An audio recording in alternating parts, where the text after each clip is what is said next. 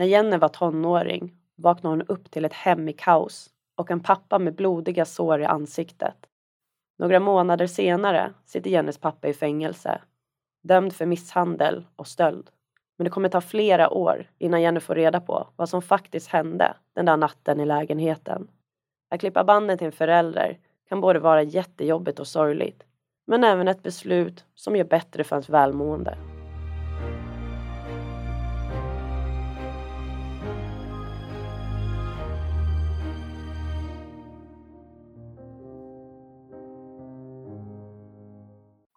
Hej och välkommen till Idéburen välfärd och årets första avsnitt. Vi har ju tagit en liten paus under julen men nu är vi tillbaka. Och nytt för i år är att vi kör varannan måndag. Och jag vill ju också tipsa då om att om du lyssnar på appar som Spotify och Podcaster-appen så kan du följa podden och då får du en liten påminnelse om när ett nytt avsnitt kommer ut så slipper du missa nya avsnitt helt enkelt. Men nu till veckans eh, avsnitt och veckans gäst Jenny Stålarm. Välkommen! Tack så mycket! Vad roligt att du är här. Ja, men det känns kul att vara här också. Hur mår du? Jag mår bra. Eh, lite med julstress nu, men det, det kommer snart lägga sig. Vi är mm. snart över på andra sidan. Ja, vad skönt. Ja. um, vi ska ju prata idag om hur uh, när du var tonåring så satt din pappa i, i fängelse. Det stämmer. Och att du även var där vid uh, själva brottet. Ja. Varför vill du komma hit idag och uh, berätta om det? Mm. Jag... Eh, det här är ju min historia eh, som jag har varit med om, min uppväxt, min barndom. Eh, och någonstans så tror jag på att prata om det. Jag tror att eh, dels för att läka själv och bearbeta.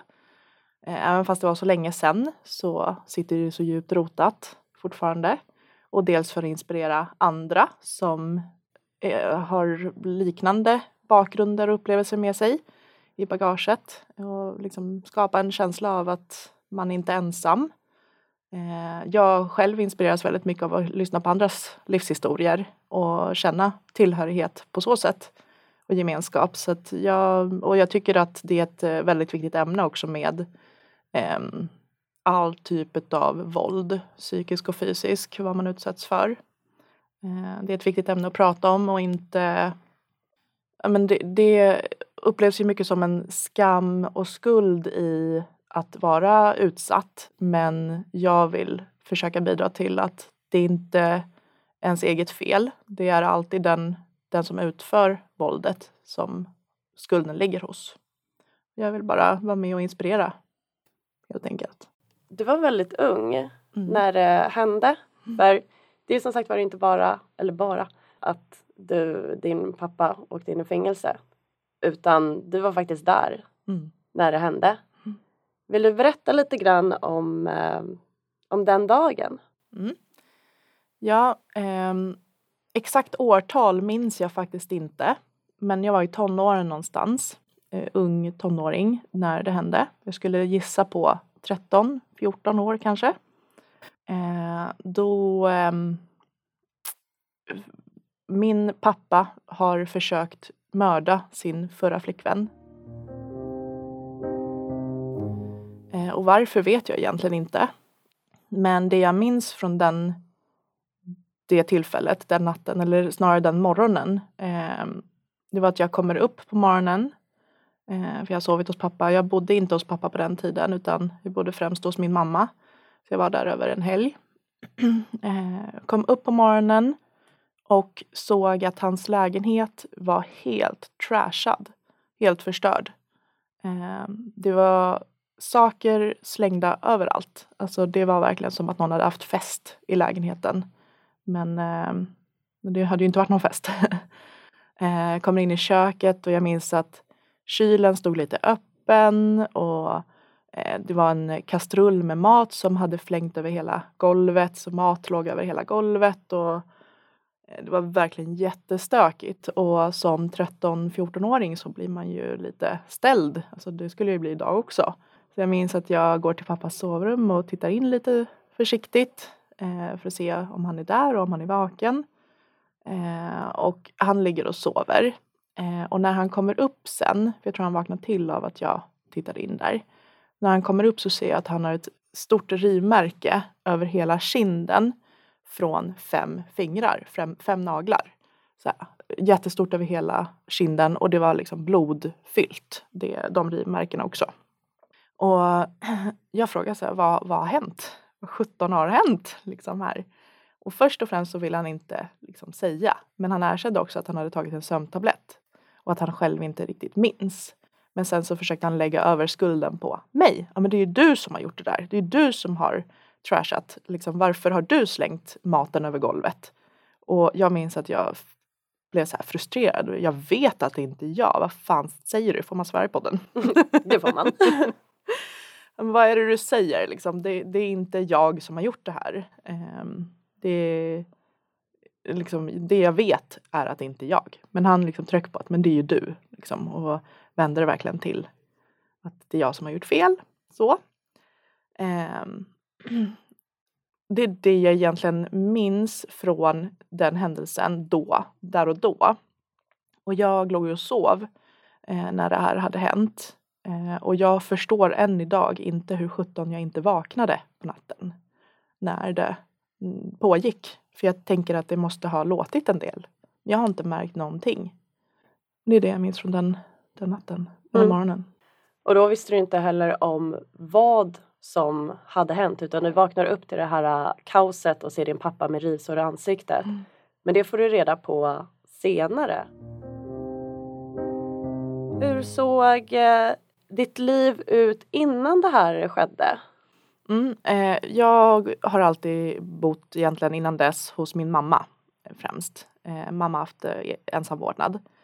Eh, pappa har egentligen aldrig tagit sitt föräldraansvar mer än att eh, han, jag tror att han umgicks med mig för att göra mamma sur. liksom att jag vill bara trycka dit mamma därför så umgås jag med henne så att inte hon och jag fick någon tid eller mindre tid tillsammans. Så pappa har tagit med mig på resor och eh, eh, spenderat väldigt mycket pengar på mig när jag var liten. Eh, jag har varit på riktigt häftiga eh, utlandsresor tillsammans med honom. Men han har spenderat massa pengar på mig också. Jag kommer ihåg att jag var arg på honom för någonting som han hade gjort när, vi var, när jag var utomlands med honom. Och han köpte ett jättedyrt halsband till mig för att typ släta över det. Minns jag. Och tyckte att men nu har du fått det här, nu kan du vara glad. Så. Mm. Men hade du, hade du sett några sådana våldsamma tendenser innan? Jag har faktiskt varit väldigt förskonad från någon typ av synligt våld. Jag har inte sett någonting liksom eget så framför mina eh, ögon i närtid där. Eh, det var en incident tidigare i livet när jag var ännu yngre. Jag vet faktiskt inte hur gammal jag var men det var innan jag hade egen mobil också. Det var väldigt länge sedan. Ehm, då var vi uppe i eh, fjällen tillsammans. Då pappa var tillsammans med en annan tjej vid det tillfället. Och då ehm, eh, har jag bevittnat att han har slagit henne, misshandlat henne framför ögonen på mig. Men jag minns inte det. Eh, jag minns inga slag så, men jag minns turbulensen. Jag minns kaoset. Eh, och jag minns att jag hoppade ut genom stugfönstret i fjällstugan och eh, eh, drog till eh, receptionen eh, och fick eh, tag på mamma på så sätt. Eh, och de i receptionen eh, kom till stugan och lugnade ner pappa då. Men pappa har aldrig slagit mig, han har aldrig varit våldsam mot mig men han, eh, det har varit stunder då han har visat på våld fast inte liksom varje vecka utan det har varit långt mellan gångerna. Så jag har ju någonstans vetat hela tiden att han inte är en bra person. Jag har aldrig känt tillit till min pappa. Hur var er personliga relation?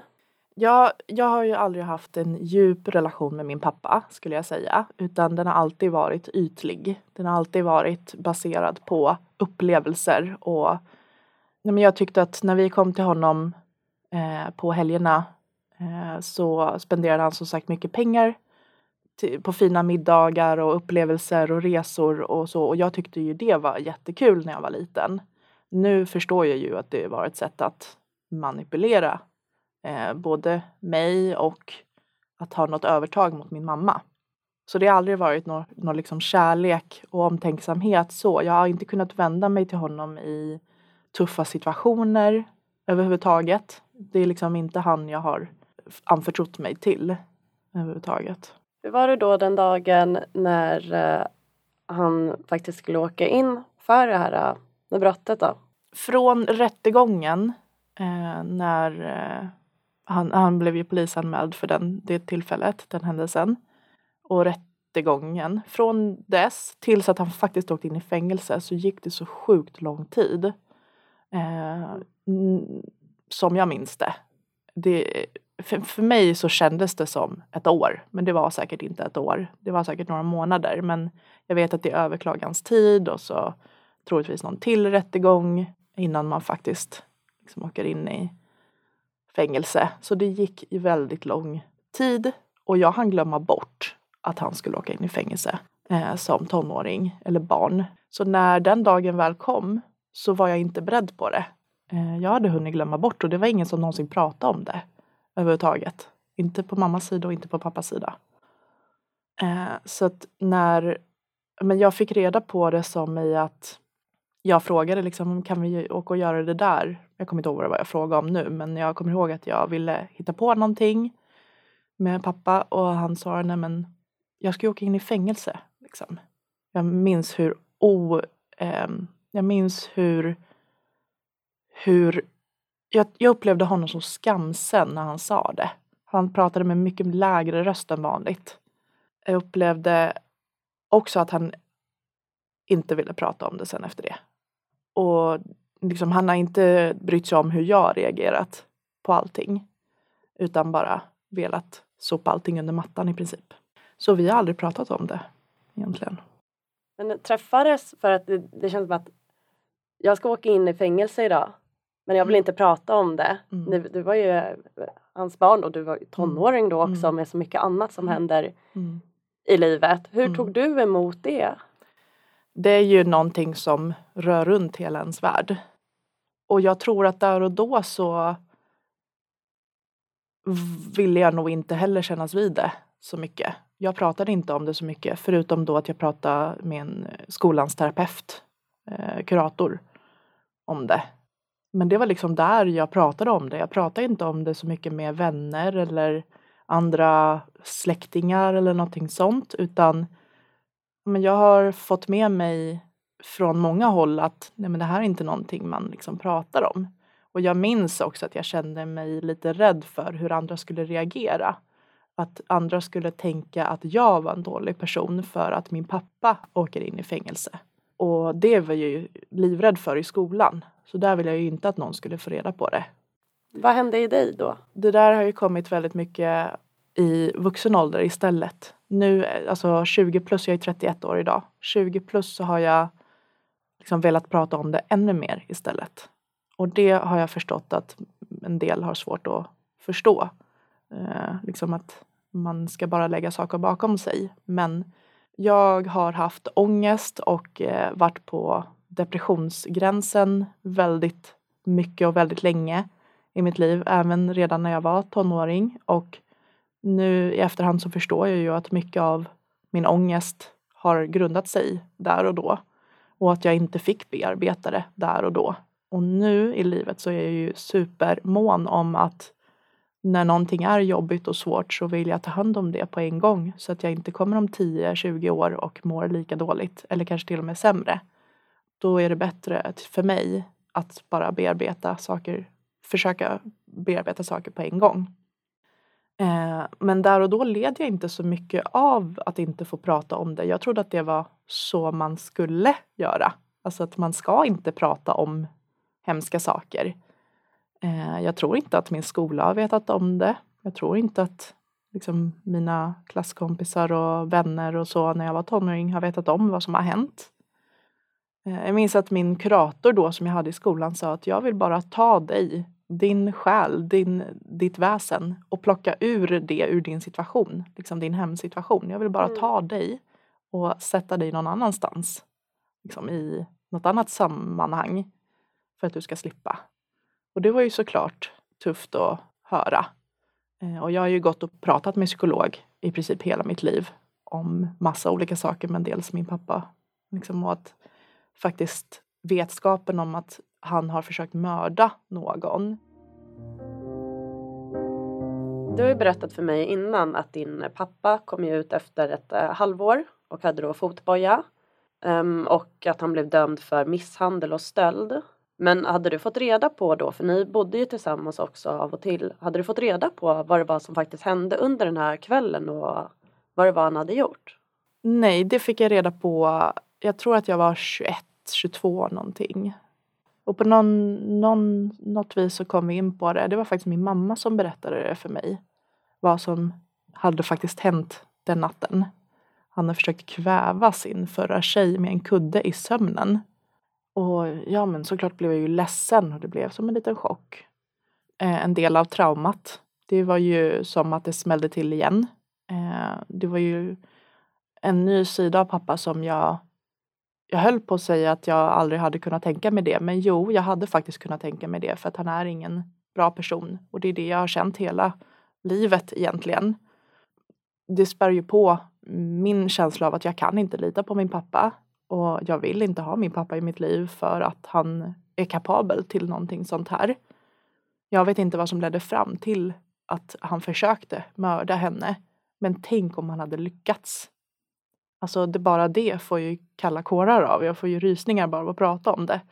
Och det, alltså, det finns ingenting som hade kunnat rättfärdiga det, känner jag, så här nu när jag pratar om det. Och ja, det, det är ingen person jag vill ha i mitt liv. Och efter att din pappa dömdes då för misshandeln så har han ju även suttit i fängelse och blivit dömd efter det då. Två gånger för bland annat grovt narkotikainnehav och rattfylla. Har ni någon kontakt alls idag? Nej, Nej. ingen som helst kontakt. När hade ni senast eh, kontakt och hur var relationen då? Jag var 18 och skulle ta studenten. Och jag minns, för att jag, jag bodde hos pappa eh, i tio månader när jag var tonåring. Eh, jag tror jag var 16, 17 någonting när jag flyttade därifrån. Eh, och under den tiden så på slutet så bråkade vi så otroligt mycket. Det var verkligen bråk varje dag. Eh, så jag flyttade tillbaka hem till mamma. Och så hördes inte vi på väldigt länge. Och sen skulle jag ta studenten och en dag från ingenstans så ringer han upp mig och frågar om han får komma på min student. För jag hade inte bjudit in honom. Och jag säger ja men självklart. Det är för mig, ja du får jättegärna komma. Jag trodde bara inte att vi hade liksom, den kontakten och den relationen idag. Eh, och jag kommer ihåg att jag gav honom all information om plats och tid och så, vart det skulle vara. Och det här var ungefär någon vecka eller två innan studenten. Och på själva studentdagen, då dök han aldrig upp. Han kom aldrig. Och han hörde inte av sig heller först dagen efter. Dagen efter så ringde han mig en gång och jag var så arg så att jag svarade inte. Och sen dess har inte vi hörts. Han har inte ringt mig och jag har inte ringt honom. Och någon, någon stund efter det, det kanske var ett halvår, ett år eller någonting efter att jag tog studenten, så gick han via en annan familjemedlem för att skicka ett meddelande till mig eh, som i att jag ska skärpa till mig och att jag inte ska vara så jävla tjurig i princip. Och det, jag bara kände nej, då, det, igen, det får stå för honom. Då vill inte jag ha honom i mitt liv. Hur har det känts för dig idag att ha klippt den eh, kontakten? Såklart jättejobbigt. Det har ju funnits stora tillfällen, tillfällen i livet där man hade velat ha sina föräldrar, båda två, liksom med sig och fira framgångar och kunna komma hem till och liksom må dåligt hos också när man har behövt. Men det, det, det min, min pappa har ju aldrig liksom funnits där för mig innan heller. Så det, det är någonting jag har saknat hela livet från min pappa. Vilket stöd hade du önskat att du hade fått under den här tiden om det hade kunnat göras annorlunda? Jag hade väl önskat att mina absolut närmaste hade frågat mig mer. Så här, hur mår du egentligen? Vill du prata? Jag minns aldrig att det var någon som frågade mig riktigt så här, tog tag i mig och verkligen Jag förstår att du kanske går igenom en tuff period nu. Hur är det? Så. Och bara det här med att ge en kram tror jag går jättelångt. Sen så var jag ju själv inte så, alltså jag pratade ju inte så mycket själv mot andra utanför om vad som hade hänt. För jag var ju så rädd att man skulle döma mig på grund av vad min pappa hade gjort. Men om man ändå liksom hade fått reda på det och förstått så hade jag också igen önskat att man bara frågar hur mår du? Hur är det? Eh, jag ser dig, jag hör dig. Du har en fristad hemma hos mig om du vill komma bort och andas lite. Så, men det minns jag inte att någon har gjort och jag vill inte lägga någon skuld på dem i det. För det, alla gör så gott man kan. Och jag tror som sagt inte att många visste om det. Men jag tror att det hade spelat stor roll för mig om jag hade fått det stödet från någon. Men jag som sagt har ju gått med ångest i princip hela mitt liv också så att det kanske inte syns utanpå men det känns inuti. Och det tror jag att många kan ta med sig i sina liv. Att även om det inte syns utanpå så kanske man mår dåligt inuti ändå. Så våga fråga. Bara så här, hur mår du? Det behöver inte bli så himla dramatiskt och djupt och värsta grejen utav det. Men jag tror det är jätteviktigt att se barn och liksom ge dem en livlina ifall det skulle behövas. Det är flera avsnitt som, eh, och gäster som vi haft på olika teman. Det kan vara prata om självmord, om eh, ätstörning, om eh, utbrändhet eller om varit med om sexuellt våld. Och det som så många säger gemensamt är just så här att vi måste prata om det. Mm. Fråga hur någon mår och mm. kunna berätta om det. Just den här öppenheten. Och liksom bara kunna prata. Det känns som att det ska vara så enkelt. Men eh, det är ju tydligen inte riktigt det. Nej. Jag tror att det ligger så mycket först och främst skuld och skam i den som har blivit utsatt. Som är, liksom, jag höll på att säga obefogat, men det är ju inte den personen som ska känna skuld och skam i den bästa utav världar. Eh, och sen så tror jag att många tänker att om jag frågar nu så det är som att jag, jag orkar med att ge ett finger men jag måste ge hela handen. Alltså att man, man tar på sig något typ av ansvar genom att våga eller genom att fråga bara. Så att man vågar kanske inte eller man orkar kanske inte själv med allt man har i sitt eget liv. Många är ju stressade i sina liv och har fullt upp ändå. Och sen att ta på sig någonting sånt här också. Det kan ju bli väldigt mäktigt för en själv. För att många som mår dåligt tror jag behöver få utlopp för det någonstans ifrån. Och för många kan det vara att prata om saker. Men eh, det man kan göra är väl att hänvisa vidare till någon, någon organisation eller så som kan hjälpa en eller psykolog eller eh, sjukvården. Men att bara bli sedd som i att jag undrar faktiskt genuint hur du mår. Och sen kanske inte jag kan hjälpa dig med det du behöver få ordning på men jag ser dig, jag hör dig, du får en kram utav mig. Mm. Du kan ringa om du mår dåligt. Liksom.